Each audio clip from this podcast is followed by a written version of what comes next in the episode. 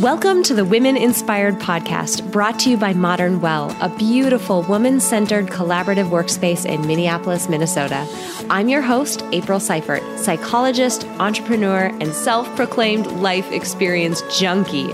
Each week, I will introduce you to a different woman who is succeeding and inspiring others in one way or another. We'll dive into her story, her successes, failures, and the lessons she has learned along the way all with the goal of inspiring you to listen to that inner voice who keeps reminding you that there is something you want to take action on. You are so much more capable and powerful than you give yourself credit for.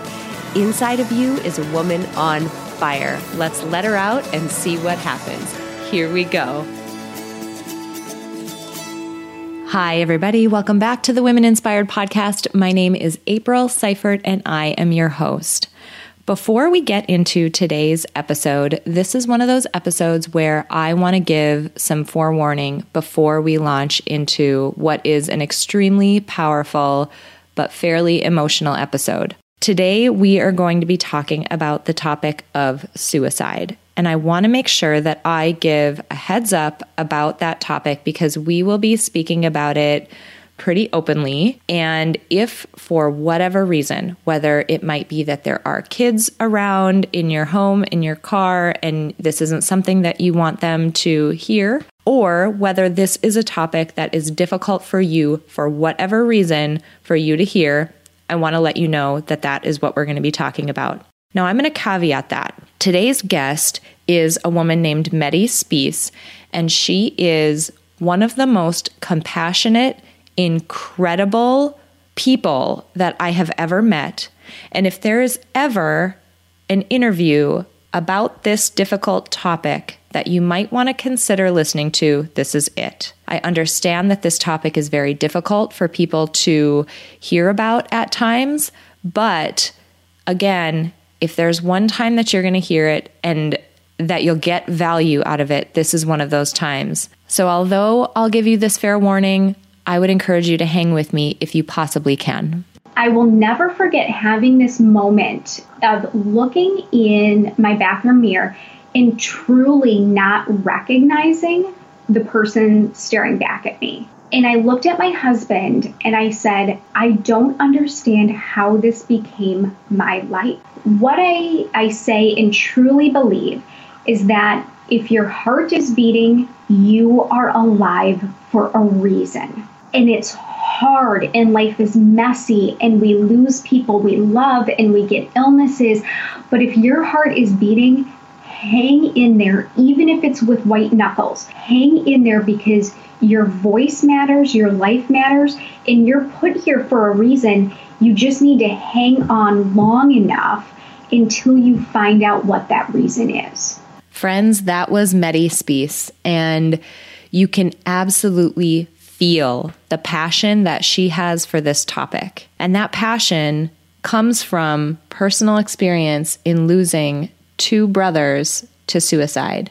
She lost her first brother named Ronnie when she was 10 years old, and her second brother, she lost him to suicide in 2014. Medi is such an incredible example of somebody who has taken an unbearably difficult situation and turned it into something incredible. Medi is the 2016 National Alliance on Mental Illness Education Advancement Award winner. She's an international keynote speaker, and she is the founder of A World Without Suicide. She's known as a champion of change and a voice of hope for diverse audiences, including school districts, universities, military, and health advocacy organizations. And to this date, she has trained over 45,000 students, educators, and leaders in her signature programs and support curriculum. I'm so excited for you all to meet Medi Spees. Medi, I am so excited that you're joining us for this episode of the podcast. Thank you so much for being here. Thank you for having me, April. I'm excited as well. I have been really looking forward to our conversation because I know how powerful the work that you're doing is, and I'm so excited to get it out there in the world. But before we jump into that, can I have you tell my audience just a little bit about yourself so we can get to know you? Sure. I am a Midwestern girl at heart and, and where I currently live. I love all things dairy, but I am extremely lactose intolerant. So there, there's quite the, the fine line and, and balance there. Uh, I have a very kind and supportive husband named Nathan, and I am blessed to work around the world with amazing organizations and government institutions on the shared mission of crushing mental health stigma and preventing suicide. That is such important work. And I, for those listening, just from that tiny intro, I'm sure you can understand why I am so excited to talk to Medi today because it's such an important topic. Can you tell us a little bit? I mean, I know quite a bit about you because I've done you know, you and I have had a chance to talk, and I've had a chance to look at your work online. But for those who haven't, can you talk to us a little bit about what got you interested in doing this work in the first place? Sure. So, unbeknownst to me, my starting of the organization A World Without Suicide started many, many years ago, and it happened organically through some pretty significant life events. I lost a brother uh, named Ronnie to suicide when I was 10. Mm. And he was just incredible incredible. He was my oldest brother. I really looked up to him. You know, I followed him around like a puppy dog. He was just everything in my eyes. And so losing him was just such a significant and devastating loss at, at such a young age. And, you know, it, it really shaped me uh, growing up. And fast forward seven years or several years later excuse me you know I'm, I'm in my career i'm doing very well i'm married to nathan and i have another brother named ed and if you ask anybody he is one of the most amazing people you you could ever meet just the the light of every room life of the party. Uh, and i got a call on st patrick's day uh, in 2014 with his wife calling me in hysterics, telling me that Ed had ended his life. Oh my gosh. Yeah, yes, that was what I said. And you know, the the losses happened 20 years apart and it was such a shocking blow of having to start completely over and even wrapping my head around the thought that this could happen twice to two people that I loved more than anything. And I realized that if I didn't have the skills uh, and knowledge to recognize when my loved ones were in crisis and, and to know how to support them, then other brothers, sisters, families, uh, teachers, bosses, etc., they didn't have those skills either. And to me, that was unacceptable. And that's when I started A World Without Suicide. And I've been speaking and, and training individuals uh, with my uh, education background as well. So coupling the, the mission and the passion with my uh, corporate background. And it's been growing ever since.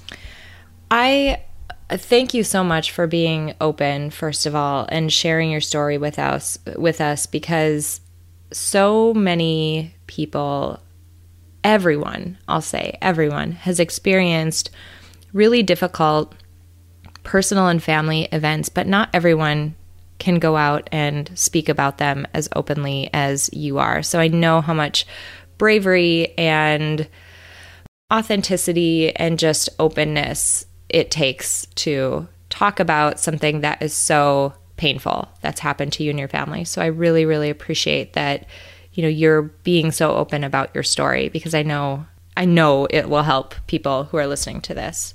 As I think about, you know, the two two experiences you shared, you that age difference is so it's so different when something happens when you're a child versus when something happens when you're an adult.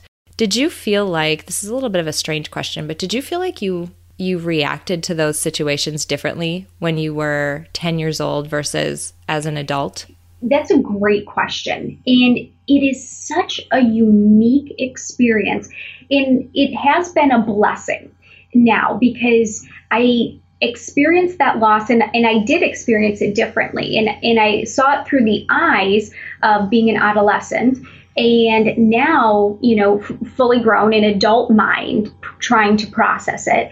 And in some ways in the amount of shock and confusion and the just pure unadulterated you know shock to my system that was the same uh, regardless of my age.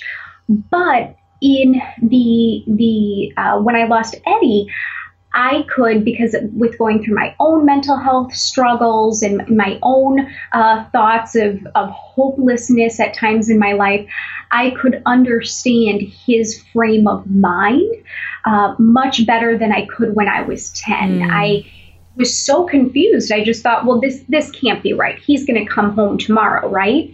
And it was just so confusing at that point. And uh, much of my work now is working with youth uh, as well as as organizations, and it's been a blessing in that I can connect with them at a very deep and understanding level because I can still see it through those eyes. Yeah, it's. I asked that question because um, I lost my dad when I was 11 to colon cancer, and what I have noticed, and and you kind of echoed that a little bit, is that to some extent, I think it would be easy to look at something like that and say, "Wow, it's been a, it's been a lot of years. You know, you must be you must be doing great now. You must be maybe over this or whatever the terminology you might use." But what's interesting is like you said, you you experience that event as an adolescent, as a 10-year-old, 11-year-old, whatever.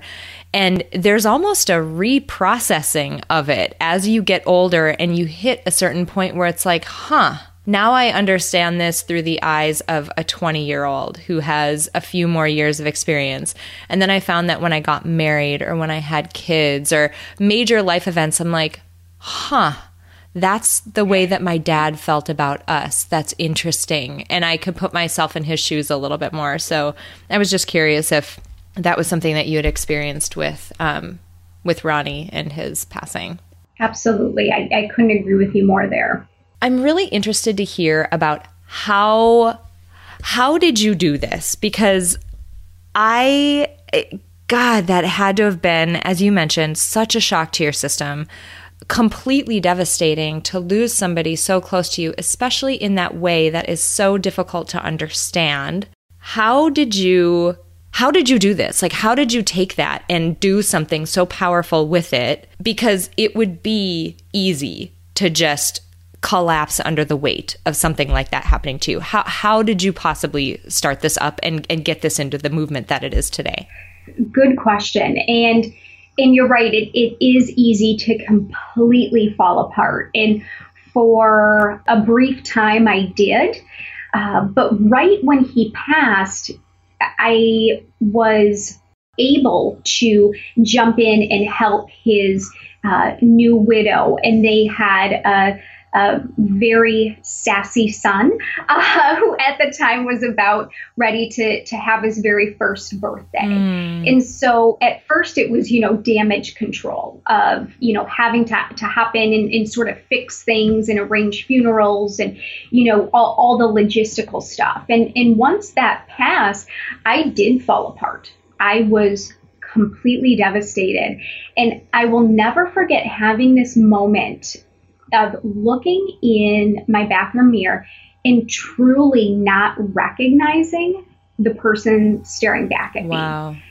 And I looked at my husband and I said, I don't understand how this became my life. Yeah. It just, it, it just, I was, yes, just completely broken at that time. But then well, one thing I found is that community equals immunity. So I was very blessed to have a very strong faith that I leaned on. Very, very strong that that was a, a, cornerstone that that kept me hanging on, even if it was with white knuckles.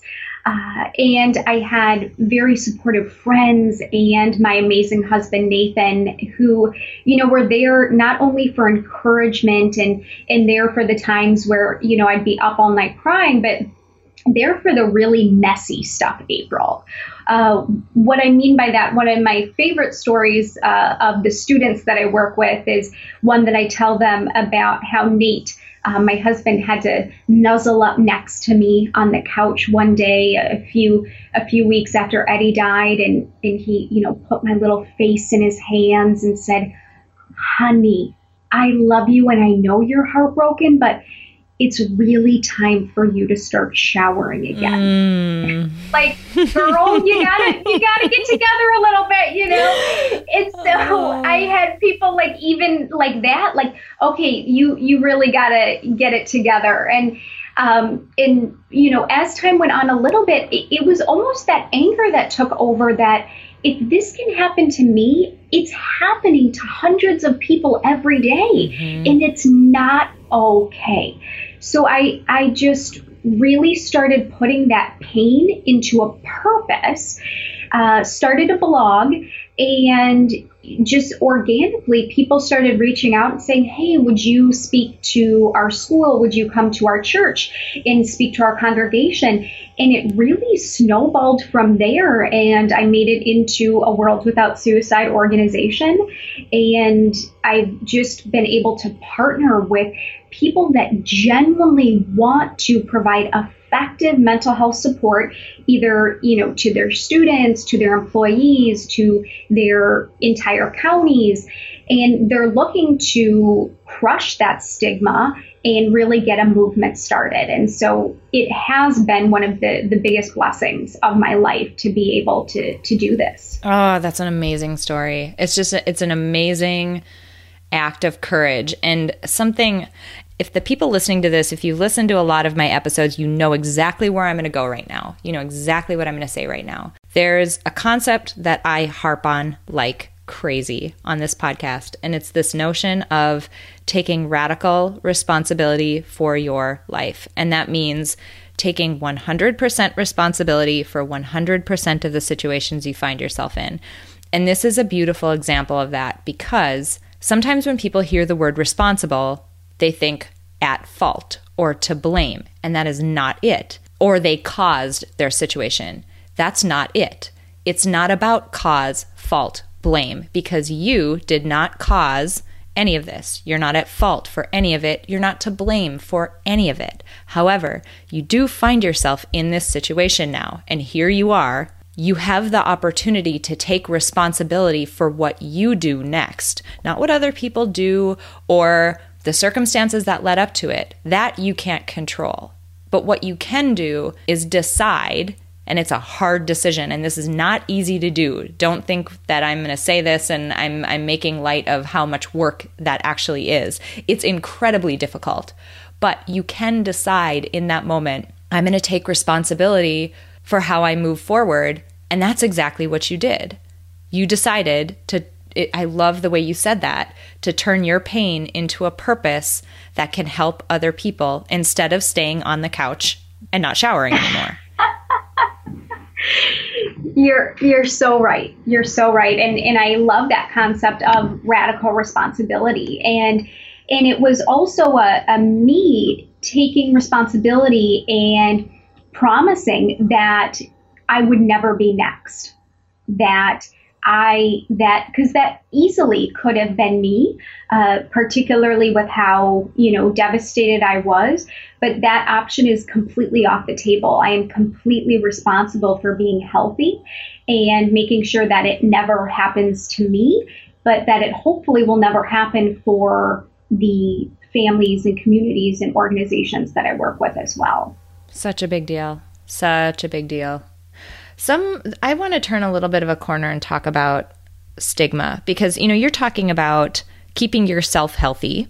Um, I have definitely been in situations, um, you know, three in particular, where I absolutely ran to see a mental health professional. One of them was uh, after my first daughter was born, I had very severe postpartum depression and anxiety and PTSD and all this crazy stuff that happens after you have a baby. Um, but there were other times in my life as well. And as somebody who sought help from a mental health professional, I can't tell you how powerful that is, how helpful that experience was. Yet, there is a huge stigma around it. And I'm curious, as somebody who's done work in this area, do you have a feel for where that comes from or why? Because we hear people talk about it a lot, yet it still exists. Any thoughts on that? Well, it's it's a great question, and and I agree with you. the The power of speaking up and getting the help that you need has saved more lives than we can count. I think the stigma in in I don't think it's a coincidence that seven out of the ten suicide deaths in 2016 were completed by men. That that to me is not a coincidence. I think one of the stigmas that we need to get over, particularly with males, even though we feel it as well, is that asking for help is weak. That we need to be tough, you know, pick ourselves up by by the bootstraps, or quote, man up, end quote. Uh, I think it's the perceived weakness of actually empowering our voice and, and admitting that we need support. So I, I think that's a, a, part of it, and that's one of the, the main fears and stigmas that I hear most often in the groups that I work with. But the other stigma that I find, which is interesting, particularly in the work that I do with the military and, and at the Department of Defense level or, or the national security level, is that if I admit that I need help, I will no longer be trusted. Mm. I won't be trusted to do my job, uh, to to know this information, etc. And the the way I look at it as, you know, if you are unsafe and you're not mentally healthy, then you need to get that support and get back to a mind frame where you can serve others and, and do your job. But you can't do that effectively until you get the support that you need. But I think that's that stigma is really strong that people think that they'll lose too much if they admit that they need help. That's really that's really an interesting insight. I hadn't thought about it that way. Especially you're right with that group of people who where the duties of their job are are as they are. I mean, you need to have a really strong I don't even know what to call it, strong psychological capability. I mean, you're dealing with a lot of really technical and heavy and difficult and nuanced stuff. And that just requires your mind to be in the right place. You have a really unique lens into this. You know, so so many there've been a number of high profile deaths by suicide in the last few years. You know, you can name Robin Williams, Anthony Bourdain, all like people like that who obviously those of us who saw them in the media, we weren't close friends and family members of them. But even as you're describing it, close friends and family members of people who have ended their lives by suicide, there's you're surprised. I mean, completely shocked that this happened because it's difficult to recognize when someone might be struggling. What what are some of the misconceptions that people have that they might that they might not even realize about about suicide itself and what might be happening with that person who's contemplating? Great question. And you're right. I, I think one of the, the biggest misconceptions in what really comes to light after a celebrity dies by suicide or somebody that is very affluent and, and seems to have everything, uh, there's a misconception that you know only those type of people die by suicide. So the ones that are quote seem crazy or disturbed or that are struggling financially where the truth is suicidal thought and action and, and mental illness it doesn't discriminate it doesn't care how much you have in your bank account, how many, you know, feature films you've been in. It it can touch any type of person. So I think that's one of the, the main misconceptions that we have, or, or that we think that you know, pe- someone would be very outwardly uh, acting differently if they were suicidal, and, and there's definitely warning signs in most individuals, but it's it's not like they wear a big sign that says, you know, help me, I'm at risk for ending my life. So I think that's one major misconception. The other, uh, the misconception of that suicide is a selfish thing to do. That's one that I hear a lot. Oh, yeah. And, and you hear that all the time. All the time. All the time. And I, I, was guilty of that. After Eddie died, I thought, oh my gosh, how could you do this to our family a second time? How could you leave this baby? And and I was angry and I thought it was selfish. But then once I really started digging into the, the suicidal mind and, and learning all that I have in this journey, when someone is suicidal, often they have the mindset of truly believing with every fiber of their being that they are a burden, mm. that their family, that anybody that knows them would be truly better off if they were no longer here. And that in that circumstance, even though we have a healthy mindset and we disagree, they can see through their depressed lens that, in fact, they're doing us a favor and giving us a gift by no longer burdening us. Mm. So, in that fact, they're not thinking of it as a selfish thing at all, but they're looking at it as a gift that they can give us. And that's often something that I think is is missed or, or not thought of. And of course, in our healthy mindset, we're thinking, oh my gosh, no, we love you. We want you to be here. There's so, you know, there's so much joy and, and things that you will miss out on. But they don't see that through the scope of their pain of, of just wanting to end that and support us by not being here, if that makes sense. Oh, yeah. I mean, the way that you say it, it absolutely does. And you're right, you hear that all the time. But when you when you describe it that way, it's it almost flips it 180 that person's doing what they think is a very compassionate selfless thing wow that's really powerful it actually reminds me of i did an, an episode with a woman named Shala Nicely. She was episode 60 for folks who didn't catch her episode.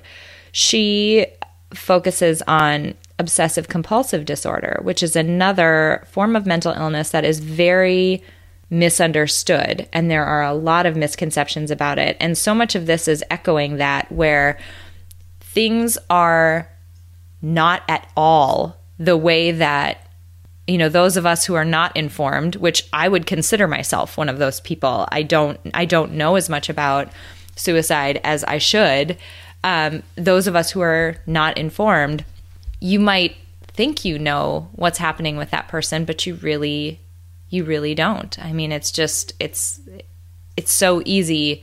It's so easy to get it wrong. And in this case, the the repercussions of of not having the right information, they're so they're so heavy and they're so big. It is.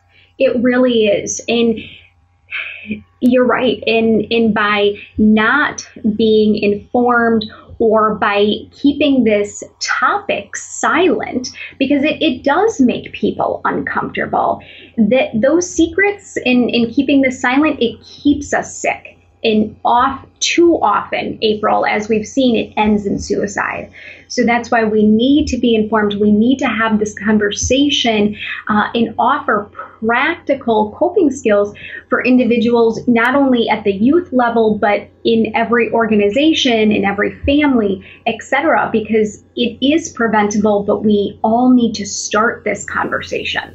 So let's go there. That's actually a really great segue. Let's go in that direction of the work that you do. How do you how do you help folks? What are some of the messages that you're that you're trying to get out there, either through some of the um, keynote work that you're doing, or any I don't know if you're doing workshops or other things like that. What are some of the key messages that you want people to know that you try to get out there in some of the work that you're doing? Sure. So, at the youth level, when I work with schools, uh, particularly when I work with youth, I'm finding that they're lacking coping skills. But we can say that about adults, right? I mean, there was no class in school, or often uh, in our families, we didn't learn healthy coping and how to reframe situations to think, to know that it's not the end of the world. So when I work with youth, I'll, I'll do, you know, my motivational keynote, but I give very practical coping skills that they can use to deal with the very re- strong reality that many of these students are in, you know, whether it's bullying, whether it's abuse at home, you know, what that looks like to better support themselves and to empower their voice if they're silently struggling to say, my life matters. I need help, and it's okay to say that. So that's on, on that end of things because I think if we can arm youth with act, you know, true practical coping skills, that they'll be better able to handle situations and hopefully not feel like suicide is their only option. So that's the goal there. And I also work with educators to um, uh, give strategies to support students who struggle with mental health issues in the classroom, whether it be anxiety, depression, self harm uh, tendencies, etc. Then at the corporate level, I work with corporations, uh, giving them very easy to follow practical solutions to create supportive stigma free work environments that support the, the mental health and safety of every employee. So that's everything from communication styles that, that managers have, how to better interact and, and speak to employees uh, to support their mental health, um, to know what warning signs to look out to for and how to respond if an employee is in crisis. Because unfortunately, I've had honestly, April, just this week, two calls from major corporations who had an employee attempt suicide on site at work. Wow. And it happens way more than you think. Wow. The Wall Street Journal um, just this year had a really great article that that broke open this topic of suicide at work and, and how it's been increasing over the past several years. And so, just to be able to have those standard operating procedures in place of what to do if that happens, because I find often um, there's there's no procedures in place. Uh, the managers aren't trained to know how to handle that situation, and that can turn bad very quickly and put the you know safety of of others in in place as well so it's important for all of us to think about and be prepared for and, and i know it's unimaginable. And and I, I wish I could go in and and the the work that I do there is so much joy and we do have fun and and there is a lot of light in it you know when we're looking at leadership skills and communication skills. But then we also have to talk about the hard things and we need to prepare for them just in case and hopefully lead in a way where we can prevent that from ever happening amazing that is such important work. And again, for folks who have listened to me for a while, um, what's resonating here and where I keep going back to, and it's it's a it's a topic that's always in the back of my mind, frankly, but it's very loud right now.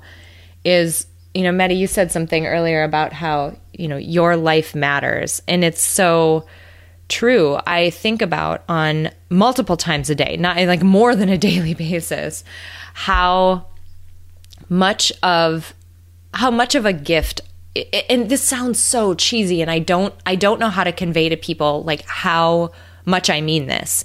How much of a gift each of our lives is and how important time is. And I've said it a million times, but you know, time is the most non-renewable resource on the planet. You're never going to get more of it.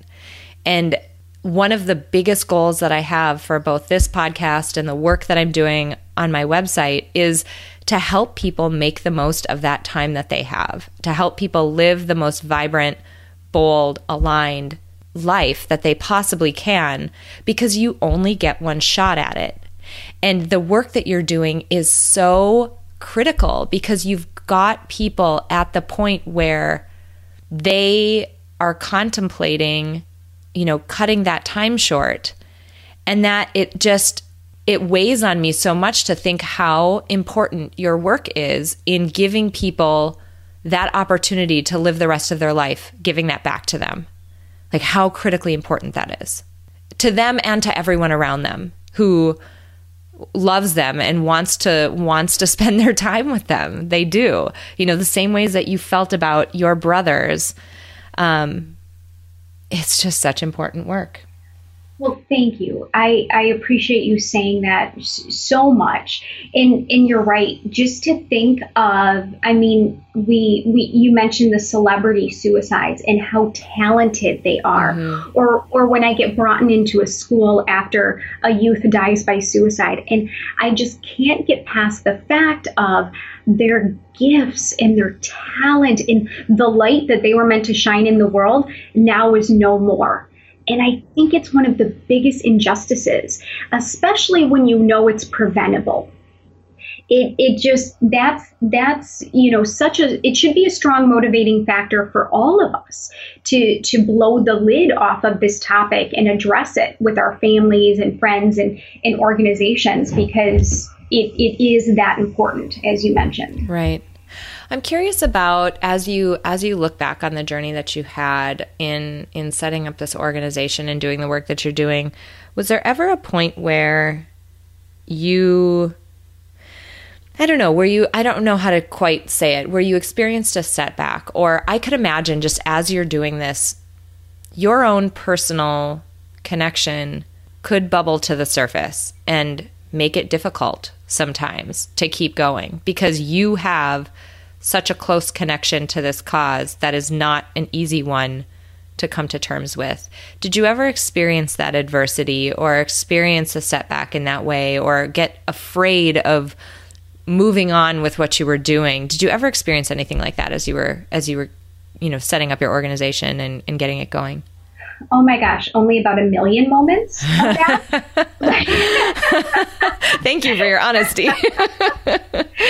so so yes absolutely you know i i could give you many examples of that and and i think uh, a big misconception and it, it always makes me makes me laugh when you know someone will come up to me after a keynote and they you know they say oh man if i if i could just be as fearless as you to you know stand up in front of thousands of people and, and share my truth you know that that would be my my life stream and and i just say whoa back up um, definitely fearless does not describe me, um, but I made peace with when I started this that I would I would do this, and there would be times when I would be afraid. So I I made peace with it. I made friends with it, um, and I made sure that I wouldn't be paralyzed by it. So I use fear and adversity as an indicator in my life. So if if something comes up and it's it's a struggle or you know I'm, I'm feeling a lot of fear about you know a, a major opportunity or whatever it may be, I use it as an indicator to check in and to see if I'm about to do something very brave. Because most often that's when something difficult comes up. And mm. and you're right when when you're something this personal, it, it is tough because you know things will you know, even though it's been several years now since Eddie passed, in some ways it's still very, very fresh. So, a perfect example of this, and so this is very raw and, and real for me uh, to share this, but because it just happened this week, I have a major event at the end of the month. And you know i'm getting ready. It's an intensive training. It's and then a, a keynote the next day and a, a participant uh, attendee reached out to me and it you know as the title of the email it was about the conference and i open up the message thinking it's going to be a question you know about the strategies and in our day you know intensive training working together and instead of that it's a picture of Eddie mm. and this man I don't know, and then uh, other friends that that Ed and I have in common. And I was just so taken aback by it, yeah. and and at first, you know, it took my breath away, and then I just cried because I just wasn't expecting that to come up when I was, you know, on mission orientated, you know, well caffeined, you know, going through my to do list for the day, and it pops up of, you know, it's still always right there, and it's something that I need to deal with. Um, but um, it's great that I can channel it and it back to the mission, but still with fully feeling everything that's happening and and dealing with that um, head on. Yeah. Yeah. I I mentioned, you know, losing my dad when I was younger and again, very different circumstances, but I can empathize with things coming out of nowhere sometimes. You just grief is it's sneaky sometimes. it is a sneaky bugger and it never ever leaves us. That is for sure. I want to as we're winding down, I want to take just a minute and talk to have you speak directly to two groups of people.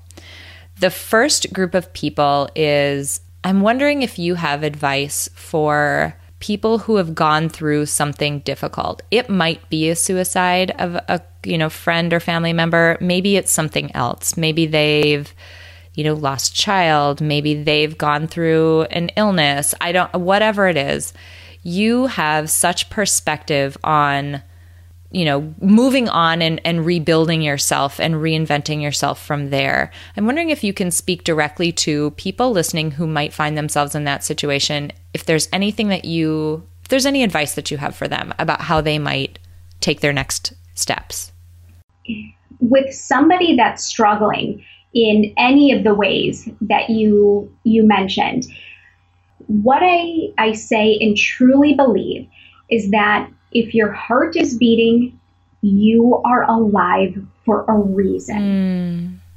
And it's hard, and life is messy, and we lose people we love, and we get illnesses. But if your heart is beating, hang in there, even if it's with white knuckles. Hang in there because your voice matters, your life matters, and you're put here for a reason. You just need to hang on long enough until you find out what that reason is. And then once you find that path, or you're, you're given a glimpse into what that looks like, one of my very favorite quotes uh, is by Brene Brown. And she says, Daring leaders who live into their values are never silent about the hard things. Mm. And what I tell people who are struggling or who are nervous to speak up or even nervous to, to take a chance, I, and I've said this before secrets keep us sick, silence keeps us stuck at where we're at. So speak up and share your truth, whether that's saying, I'm drowning and I need help, or um, I'm not happy and I need to make a change whatever that may be, speak up because your life or someone else's life may depend on it. I think you actually just hit both of them. I, I was going to ask you to speak directly to somebody who might be thinking about suicide and might be feeling the way that you described before that maybe they're a burden. I don't know if there's anything else you want to add now with that lens on it, but that was beautiful. I mean, that was so poignant my advice would be the same, but one thing I would say for someone that that is having those thoughts uh, is that just because you think it doesn't make it true. So if if you're in that mindset, don't believe those lies that your mind is telling you. Speak to someone who has insight that can give you honest feedback to let you know what's true and to reiterate the the things that I, I just said because you, you know you need that perspective and, and you need to find that like I said community equals immunity there's hope available there's support available and to hang on because your life matters and that voice matters and as you so beautifully put, April, you know, your gifts are needed here on earth. So don't do anything to cut that time short. Mm. I, I am so impressed with everything that you have done as after experiencing what you have and the impact that you're making on the world is so incredibly inspiring. I'm just I'm just so incredibly impressed with you and what you're doing. Thank you. That's that's so kind, and this has just been such a pleasure uh, being here today. And I'm a big fan of your podcast and all the the women that are just on here pioneering such groundbreaking movements. So it's just an honor to to be featured and and have my voice shared alongside of you guys.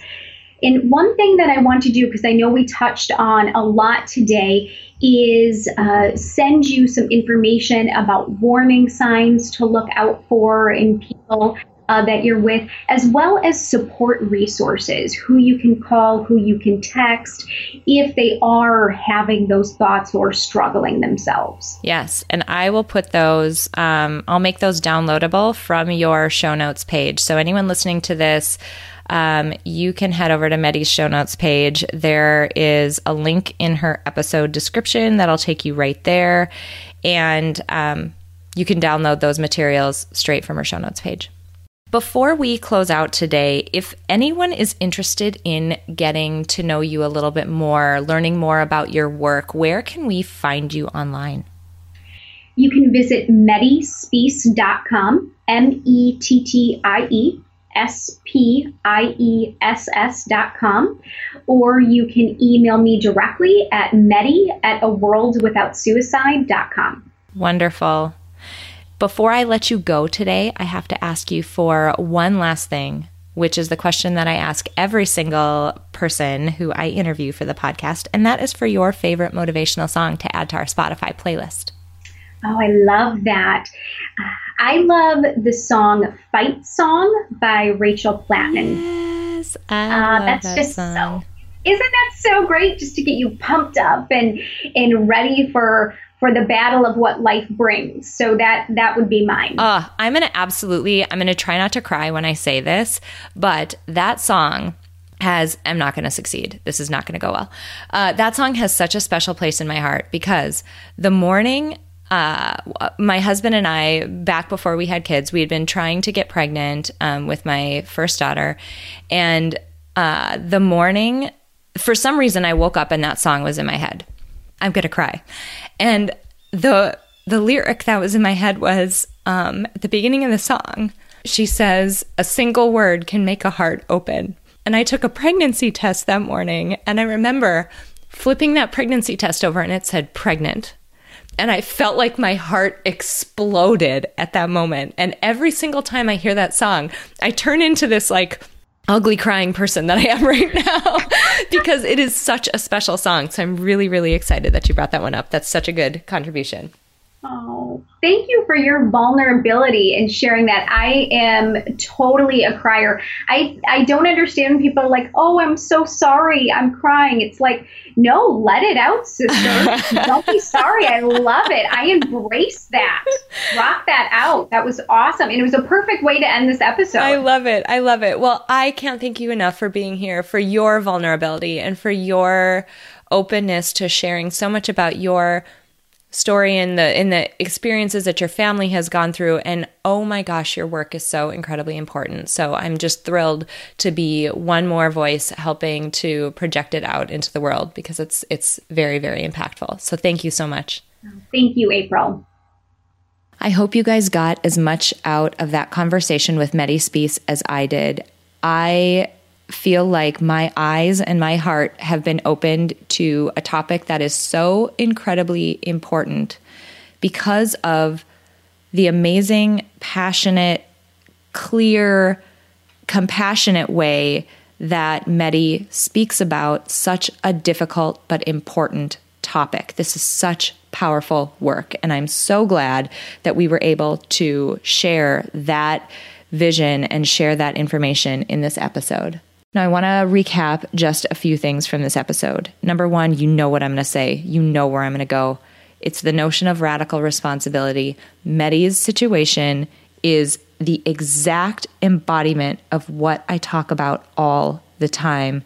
Radical responsibility, meaning you are not at fault, you are not to blame, you didn't necessarily cause the situation that you're in, but you're here now and you get to decide. It's a decision. It's not something that just happens to you. You have to make an intentional decision to take responsibility for what you are going to do, think, feel from this point forward. I don't care what situation you're in. 100%, this is not a roundup situation. This is 100% of the situations you're in, you can take 100% responsibility for what you do next. I want that to feel empowering to you.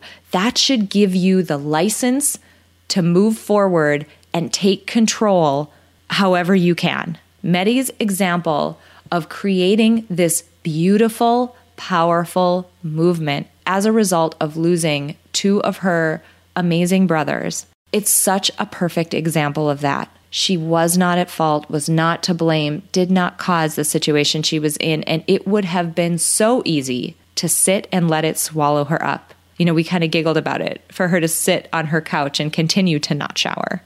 But she didn't. She moved on from what is one of the most difficult situations I can possibly imagine. There are many that fit in that category, but one of the most difficult. She moved on from it and she created something beautiful and powerful as a result of it. So, whatever situation you are in right now, I don't care if it's that you're facing your own incredible adversity. I don't care if it's that you're sitting at your office right now looking at the walls of your cubicle thinking, Are you kidding me? This is it? I don't care if you are sitting in absolute fear. We're going to talk about that in just a second. In absolute fear of taking your next steps, whatever those might be.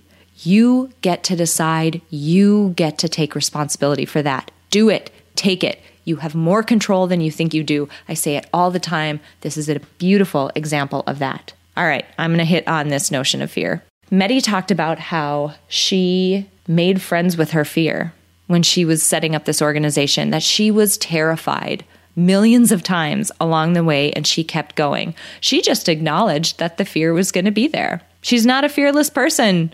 She just acknowledged that it was going to be there, said, All right, friend, come right along with me because we're going to keep going. Fear is one of those things that stops us in our tracks and it keeps us from doing the things that we are here to do. Mettie talked about it. If your heart is beating, you are here for a reason. And those reasons, just being afraid, can keep us from living out those reasons. And that is such a shame and a tragedy. Whatever you need to do to move past that fear, do it.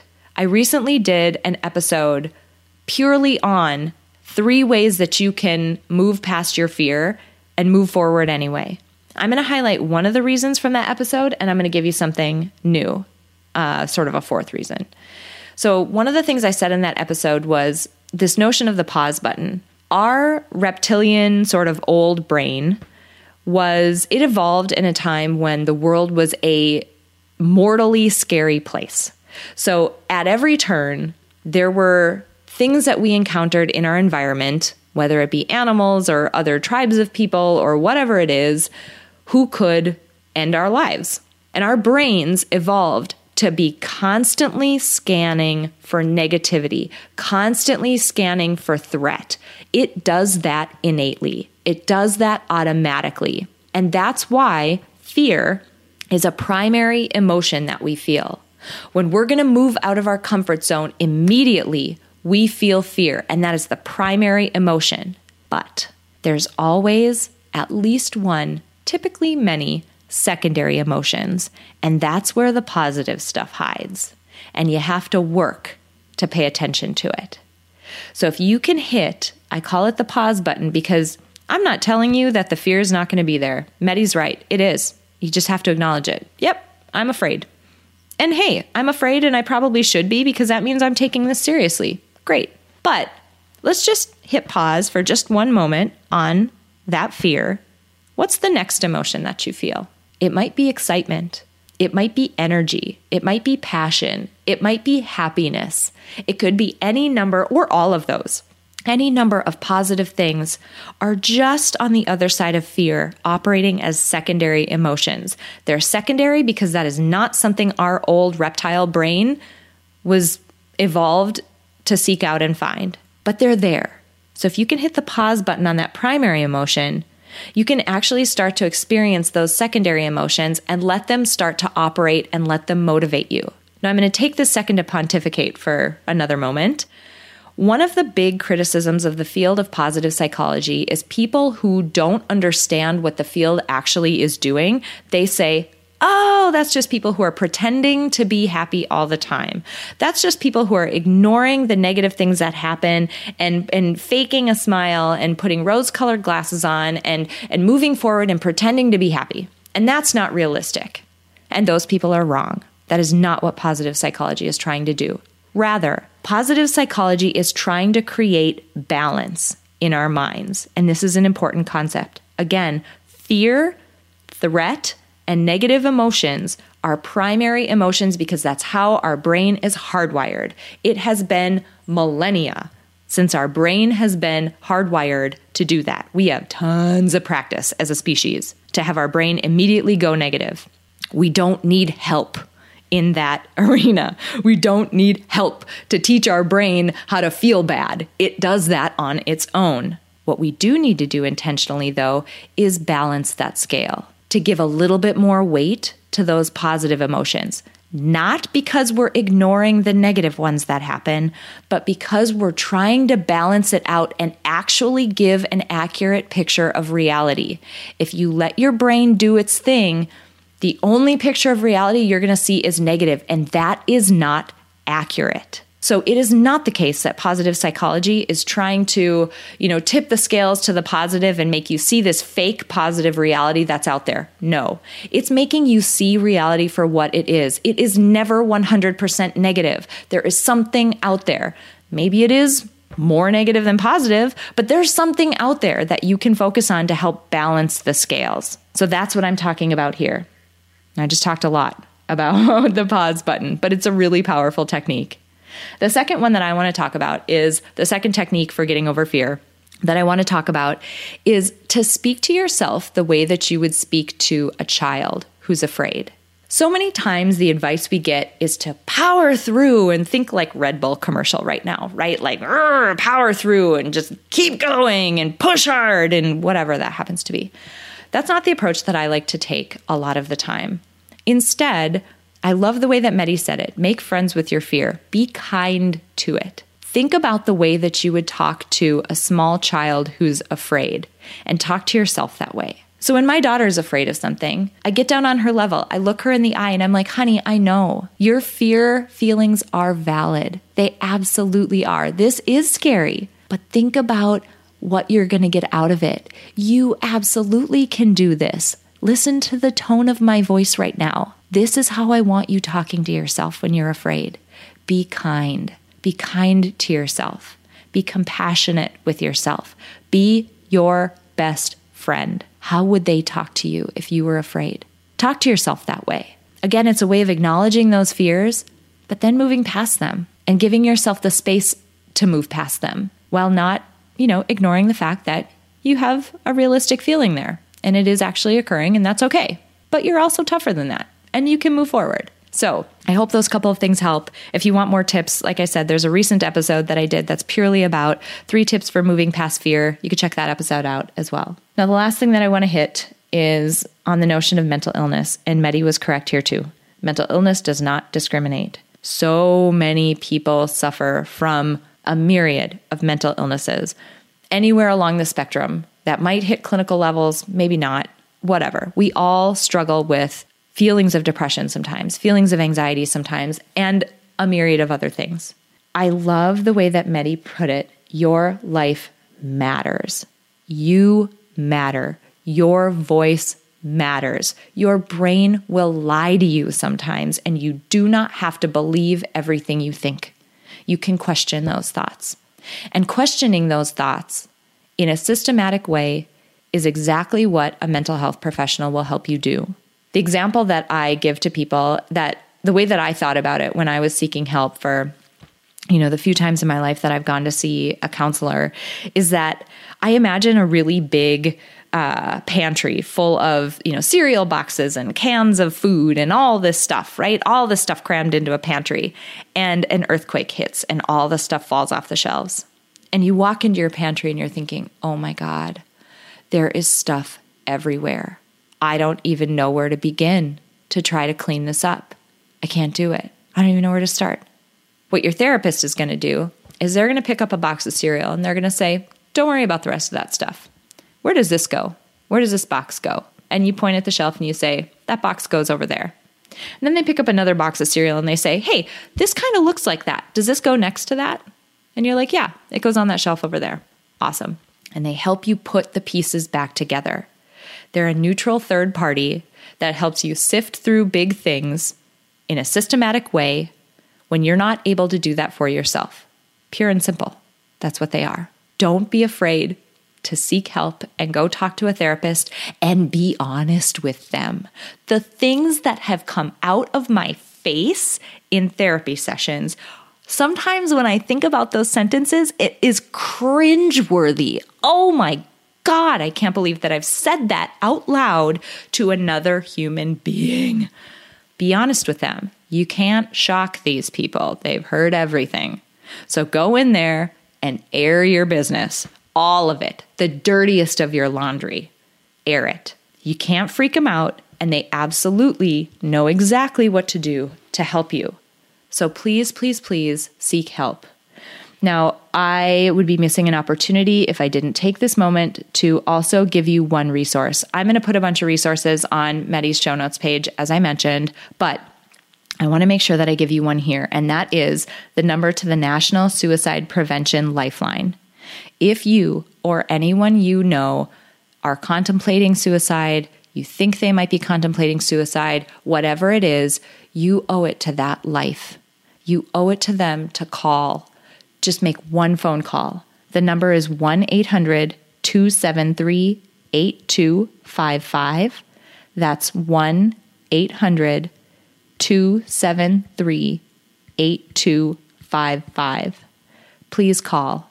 Your life matters, you matter, and your voice matters. Thank you so much for listening this week. Before we close out today, I want to say thank you to my producer, Cameron Hill, and to my incredible sponsor, Modern Well. If you want to learn more about how you can reach your goals in a one of a kind work life community, visit www.modernwell.co. If you enjoyed this episode, please share it with someone else who might benefit from this inspiring message. And if you have a moment, click the link in the episode description to leave me a rating and a review on iTunes. It would mean so much to me. Finally, I want to remind you that it is absolutely possible to live a happy, fulfilling life, even in spite of all of the chaos and demands we all experience. Sign up at aprilseifert.com to gain access to tools that will help you do just that. I have carefully created and curated a set of tools that combine the powerful fields of psychology and design thinking to help you intentionally create a fulfilling, happy life you love. Thank you so much for joining me this week, and until next week, stay inspired.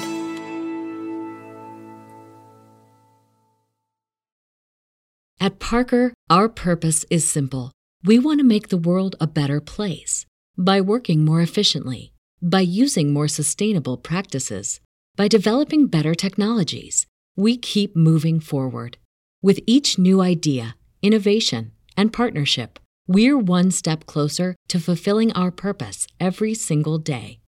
To find out more, visit parker.com/purpose. Parker, engineering your success. As humans, we're naturally driven by the search for better. But when it comes to hiring, the best way to search for a candidate isn't to search at all. Don't search, match with Indeed. When I was looking to hire someone, it was so slow and overwhelming. I wish I had used Indeed. If you need to hire, you need Indeed. Indeed is your matching and hiring platform with over 350 million global monthly visitors, according to Indeed data, and a matching engine that helps you find quality candidates fast. Ditch the busy work. Use Indeed for scheduling, screening, and messaging so you can connect with candidates faster. And Indeed doesn't just help you hire faster. 93% of employers agree Indeed delivers the highest quality matches compared to other job sites, according to a recent Indeed survey. And listeners of this show will get a $75 sponsored job credit to get your jobs more visibility at Indeed.com slash podcast. That's Indeed.com slash podcast. Terms and conditions apply.